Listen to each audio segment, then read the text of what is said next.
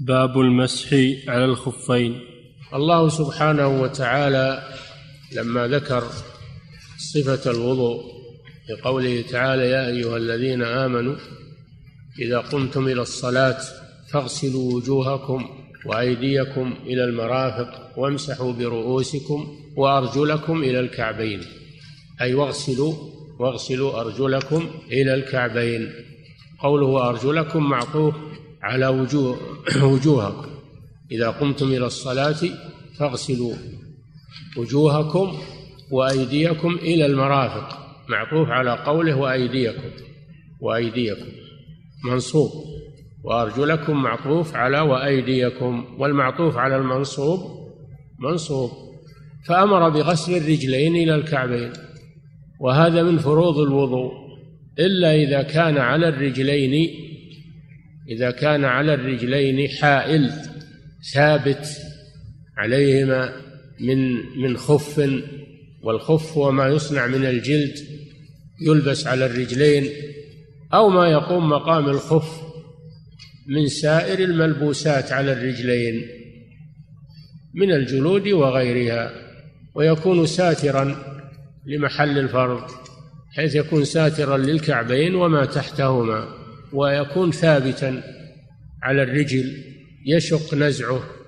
الله جل وعلا في هذه الحالة أمر بالمسح على الخفين بدلا عن غسل الرجلين لما في نزعهما من المشقة وهذا من تيسير الله عز وجل وهذا يسمى رخصة هذا يسمى من باب الرخصة والرخصة ما ثبت على خلاف دليل ما ثبت على خلاف دليل لمعارض راجح. ما ثبت على خلاف الدليل لمعارض راجح. الدليل غسل الرجلين هذا الدليل.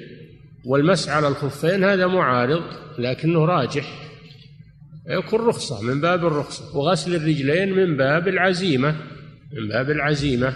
والله جل وعلا يحب أن تؤتى رخصه كما يكره أن تؤتى معصيته. فلا ينبغي لك إنك تقول بغسل رجليني بخلع خفافي واغسل رجليني من باب التدين من باب التدين. هذا تكلف لا ينبغي. العمل بالرخصة هنا أفضل من غسل الرجلين أفضل من غسل الرجلين. تسهيلا على الناس فغسل المسح على الخفين رخصة ثابتة.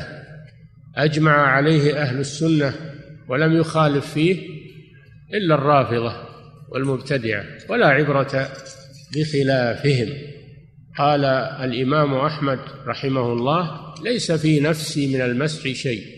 فيه أربعون حديثا عن رسول الله صلى الله عليه وسلم. أربعون حديث. متواتر إذن. المسح على الخفين متواتر. ثابت بالسنة المتواترة.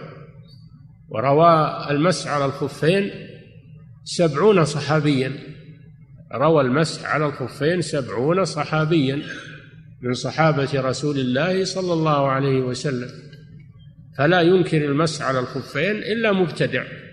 ولذلك من العلماء من يذكر المسح على الخفين في في كتب العقائد ردا على المبتدعة مع أن المسح على الخفين من مسائل الفقه مسائل الفقه.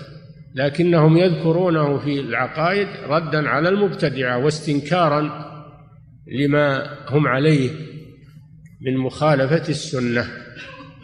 فالمسح على الخفين رخصة ثابتة فيها أربعون حديثا ورواها سبعون صحابيا عن رسول الله صلى الله عليه وسلم فهو متواتر. والمسح عليهما أفضل من الغسل من غسل من خلعهما أفضل من خلعهما. وغسل الرجلين. لكن يقولون لا لا يسن أن يلبس من أجل أن يمسح. ما يسن أنه يلبس يقول علشان أمسح. وإنما يلبس لأجل حاجته إلى إلى اللبس. فإذا أراد أن يتوضأ يمسح. وله شروط المسح على الخفين له شروط يأتي بعضها أو أهمها. المهم أن المسح على الخفين لا ينكره إلا مبتدع. نعم. باب المسح على الخفين. نعم المسح على الخفين. والمسح معناه أن أن يضع يديه مبلولتين بالماء على رؤوس أصابع رجليه ويمرهما إلى ساقيه. من أعلى من أعلى الخف. لا من جوانبه ولا من أسفله. وإنما من أعلاه يمس يضع يديه مفرج مفرجتي الأصابع اليمنى على اليمنى واليسرى على اليسرى من رؤوس أصابع رجليه ويمرها إلى ساقه. هذه صفة المسح على على الخفين. نعم. والخفين تثنية خف وهو ما يلبس على الرجل من الجلود ونحوها مما يصنع مما يصنع للرجلين. نعم. بل كل ما يستر الرجلين ويصنع لهما فإنه يمسح عليه. نعم. عن المغيرة بن شعبة رضي الله عنه قال كنت مع النبي صلى الله عليه وسلم في سفر فأهويت لأنزع خفيه فقال دعهما فإني أدخلتهما طاهرتين فمسح عليهما. نعم. المغيرة بن شعبة الثقفي رضي الله عنه كان من دهاة العرب. يعد من دهاة العرب. وهو صحابي جليل. أسلم عام الخندق وحضر كثيرا من الغزوات مع الرسول صلى الله عليه وسلم. كان يسافر معه. أن الرسول صلى الله عليه وسلم توضأ للصلاة. توضأ. توضأ. قال المغيرة فأهويت يعني مددت يدي. مددت يدي. أهوى إذا مد يده وهوى إذا نزل إلى الأرض. فمعنى أهويت أي مددت يدي. لأخلع خفي الرسول صلى الله عليه وسلم من أجل أن يغسل رجليه.